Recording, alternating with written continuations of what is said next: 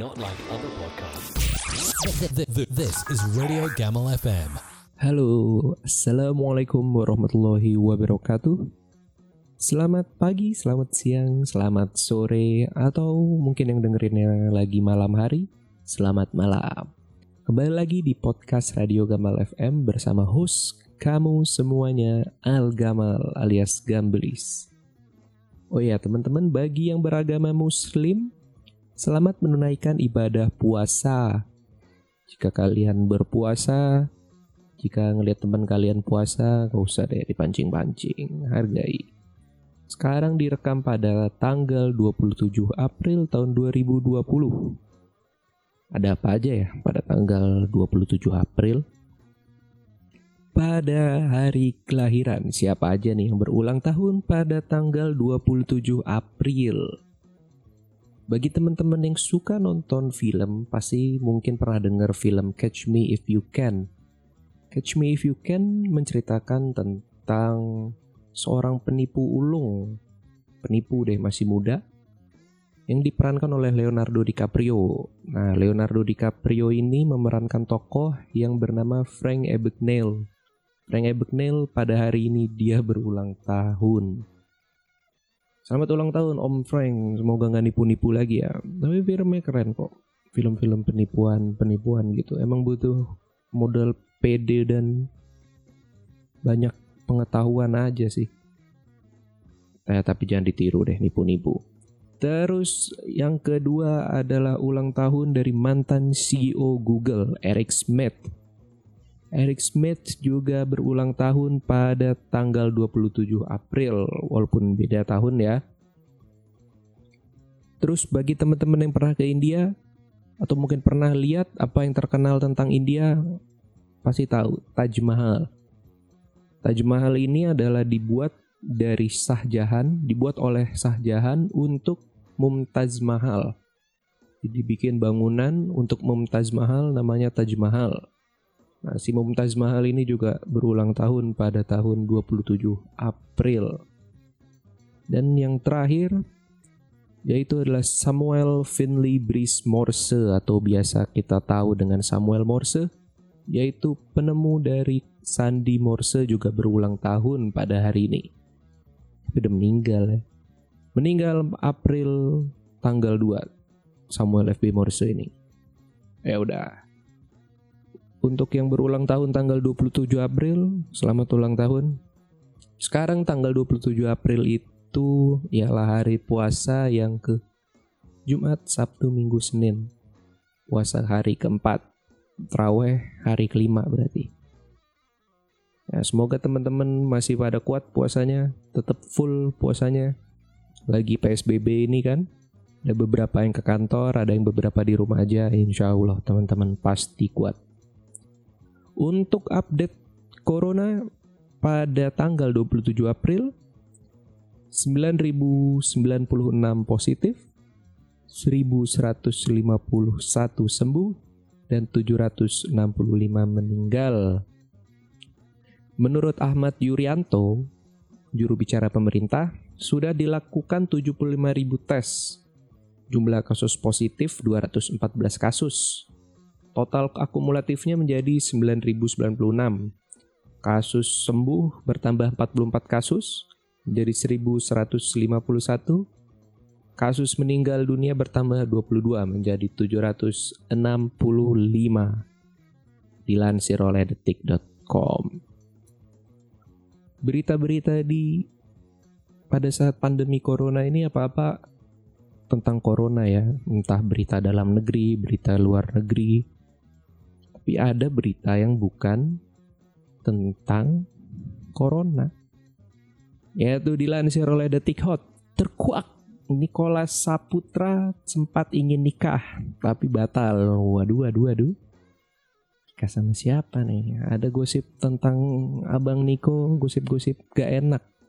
Kalian bisa cari ya gosipnya apa ya. Nicholas Saputra ternyata pernah berencana ingin menikah beberapa tahun lalu, namun ternyata hal itu batal dilakukan. Hal ini diketahui lewat perbincangannya dengan Mira Lesmana dalam live Instagram beberapa waktu lalu. Waduh, Mira, Mira Lesmana pun mengatakan, apa alasan mengapa Nicholas tidak usah terlalu buru-buru untuk menikah? Ngapain lu masih muda? Hmm, siapa nih mau dinikahin ya? Nicholas Saputra ternyata pernah hampir menikah 15 tahun lalu, berarti 2015, 2005, 2020 dikurang 15 tahun 2005, berarti sekitar 5-4 tahun setelah film Ada Apa Dengan Cinta ya. Gak amat juga sih kalah Saputra. Ini termasuk berita yang Spanyeling banyak dibaca di detik loh. Most popular. Jerings sebut corona konspirasi. Dokter Tirta protes cerita soal kelelahan. Waduh, ada apa nih Om Bang Jerings? Unggahan Jering soal menyebut virus corona konspirasi menuai protes dari Dr. Tirta. Drummer Superman is Dead itu dinilai telah kelewat batas dalam memberikan komentar.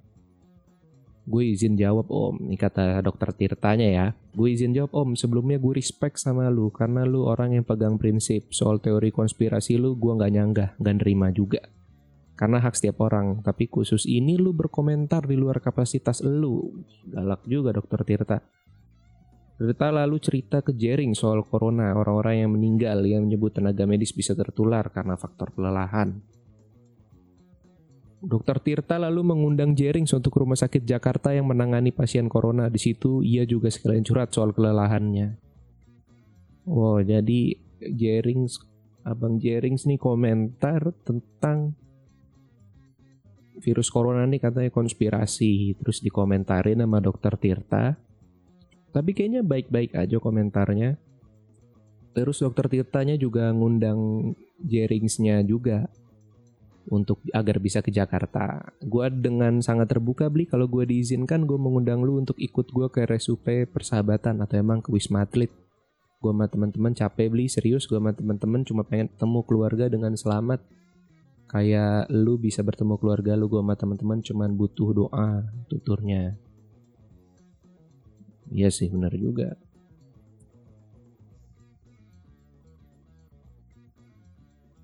Jerings memberikan respon tajam. Wah ternyata langsung direspon luar kapasitas kereta. Ia juga minta sang dokter untuk memahami risiko pekerjaan. Di luar kapasitas matamu, Bill Gates itu dokter apa? Ngapain kita disuruh nurut apa-apa kata dia, apa-apa kata WHO? mengundang saya ke RS. Nggak usah jauh-jauh ke Jakarta. RS di Bali ada nggak yang perlu relawan? Kalau ada, beritahu saya rumah sakit apa. Lalu tentang an Anda dan teman-teman yang sudah capek, bukankah itu risiko pekerjaan Mas? Ada yang melarang ada yang melarang Anda mundur dari pekerjaan Anda. Waduh, galak, galak. Menurut gua, kalau emang bukan kapasitas menurut gue nggak usah komentar juga sih walaupun komentar itu hak dari setiap individu ya tapi kayaknya kalau komentar yang di luar batas itu bahaya juga apalagi emang sesuatu yang emang bukan di bidang kita misalnya gue komentarin tentang Lion Air atau komentar tentang tentara, komentar tentang keuangan. Mungkin ada beberapa komentar gue yang dinilai merendahkan atau bisa dibilang ngasal dalam mengeluarkan opini. Pasti itu menurut gue masuk akal apabila ada orang-orang yang memang bekerja di, di bidang tersebut apabila komentar gue dinilai aneh atau malah goblok. Menurut gue nggak apa-apa juga. Nah tapi kalau lagi pada saat kondisi corona gini kan, kalau kita mau komentar, kita mau melaksanakan apa-apa nih menurut gue lebih dilihat ya apalagi yang emang public figure lihat orang-orang yang memiliki kemampuan untuk mempengaruhi juga lebih besar tapi di luar semua itu menurut gue fine fine aja berbeda pendapat itu wajar kok berdebat itu juga wajar apalagi sesama masing-masing individu mempunyai apa ya ego masing-masing kali ya kalau emang menuntut salah dan benar kan ada pengadilan ya. Kalau emang komentar masing individu mau komentar ah terserah deh. Cuman tetap ada batasnya, jangan kelewatan batas. Mulai berita detik hot galak juga ini. Terus ada berita apa lagi nih?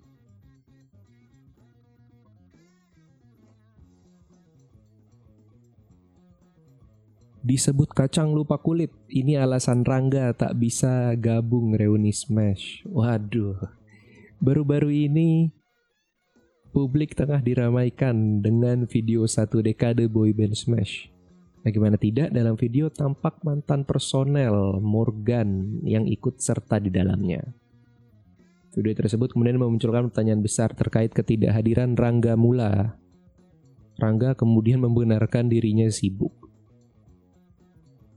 diajakin jadi kemarin tuh gue dia cuma itu live streaming sama satu pihak kebetulan hari itu aku syuting ya Allah ya, emang lagi syuting lagi sibuk. Ya Allah berita. Kenapa sih? Sebut kacang lupa kulit. Ya udah lagi sibuk kan kadang kalau nggak bisa diajak fit call. Kalau pada yang lebih sibuk nah apa enggak? Emang Morgane lagi nggak sibuk kan bisa ikut. Eh netizen juga kadang PA kan Ramadan tahun ini Barbie Kumalasari merasa banyak diuji. Wah, ini juga memang.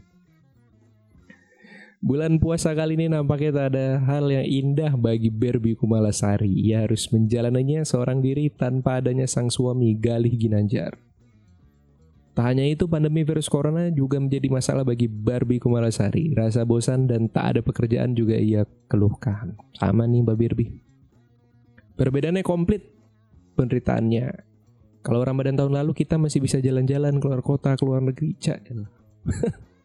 Kalau tahun ini nggak ada pasangan terus ada covid, jadi aduh berat badan tambah naik 8 kilo.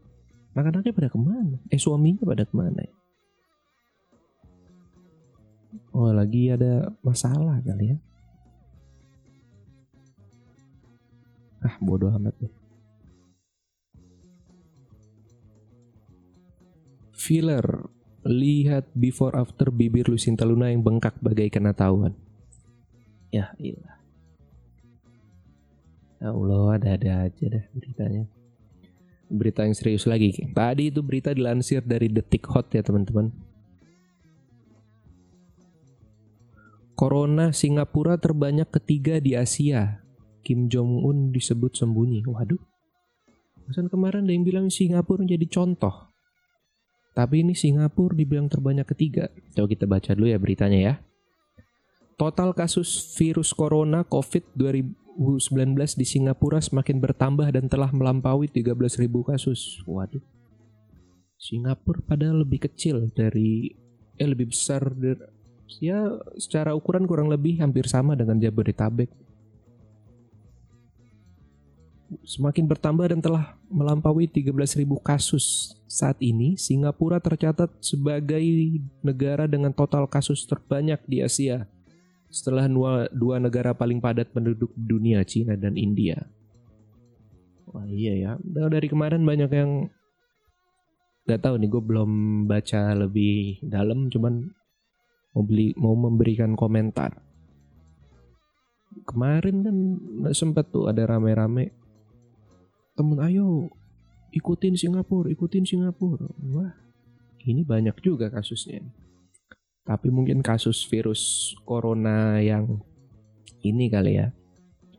Yang positif yang po ditambah positif ODP, PDP mungkin ini ya total kasus virusnya ya. Gak diberitahu nih pembagian kasusnya ini seperti apa. Jadi total virus corona ini udah bertambah 13.000 kasus, sedangkan di Indonesia ini ad, udah ada 9.096 positif. Ini positif nih, mungkin kasus 13.000 ini positif, negatif, ODP, PDP mungkin nih kali ya. Ribuan orang membadati, eh salah. Seperti dilansir Bloomberg dan The Star Senin 27 April 2020, Kementerian Kesehatan Singapura mengumumkan 931 kasus baru sepanjang minggu. Wow. Dalam satu minggu naik 931 kasus ya. Dapat. Terus ada berita dari Korea Utara kan lagi rame nih teman-teman yang nggak tahu ada berita-berita yang menyebutkan di mana pemimpin dari Korea Utara Kim Jong Un katanya meninggal.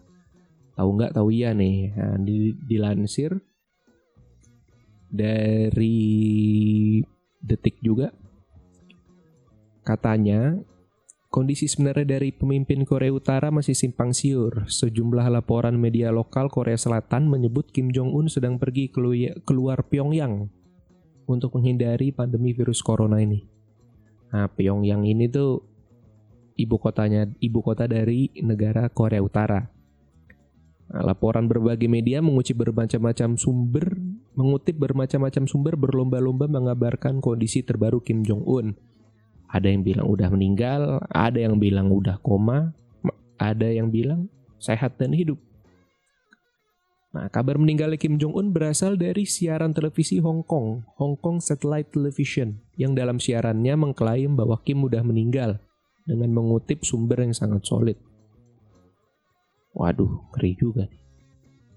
Majalah Jepang, Shukan Gendai, Shukan Gendai yang dilansir media Amerika Serikat Fox News laporkan Kim Jong-un dalam kondisi koma vegetative state usai menjalani prosedur stand. Waduh. Ya, semoga kita bisa mendapatkan berita yang benar deh, nggak yang hoax hoax.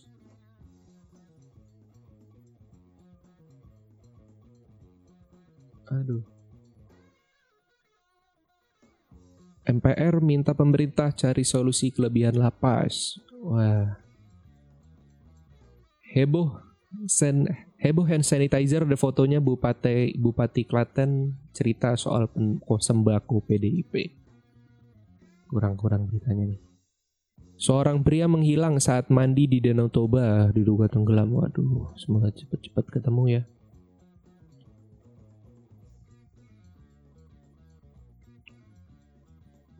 Wah. Nah, teman-teman juga tetap jaga kesehatan ya. Lagi yang PSBB diikutin aja. Gua nggak tahu benar nggak tahu salah nih. Ada beberapa yang bilang juga PSBB membuat kami yang berdagang kehilangan rezeki. Ya dilema juga sih bagi teman-teman yang bisnisnya atau mata pencahariannya melalui berdagang mungkin ini lagi kena ya lagi diuji sama Allah semoga cepet juga menurut gue gini kalau misalnya kita kuarantin ya bahasanya nih PSBB dengan virus corona ini penyebarannya menyempit Insya Allah semakin cepat juga kita bisa melakukan kegiatan jual beli tersebut, jual beli kita kembali. Kalau kita yang masih jualan, mungkin itu adalah salah satu penyebab corona masih ini ya, masih banyak kasusnya masih bertambah setiap harinya. Correct me if I'm wrong, gue cuman analogi sendiri aja. kasihan sih emang hmm.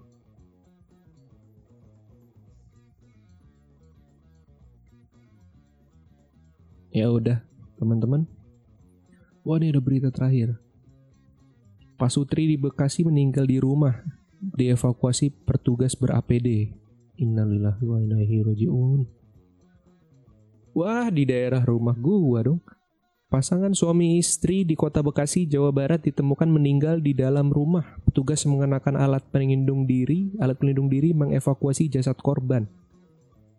Jasad suami istri itu ditemukan di kediaman mereka di Jati Asih, kota Bekasi, Jawa Barat.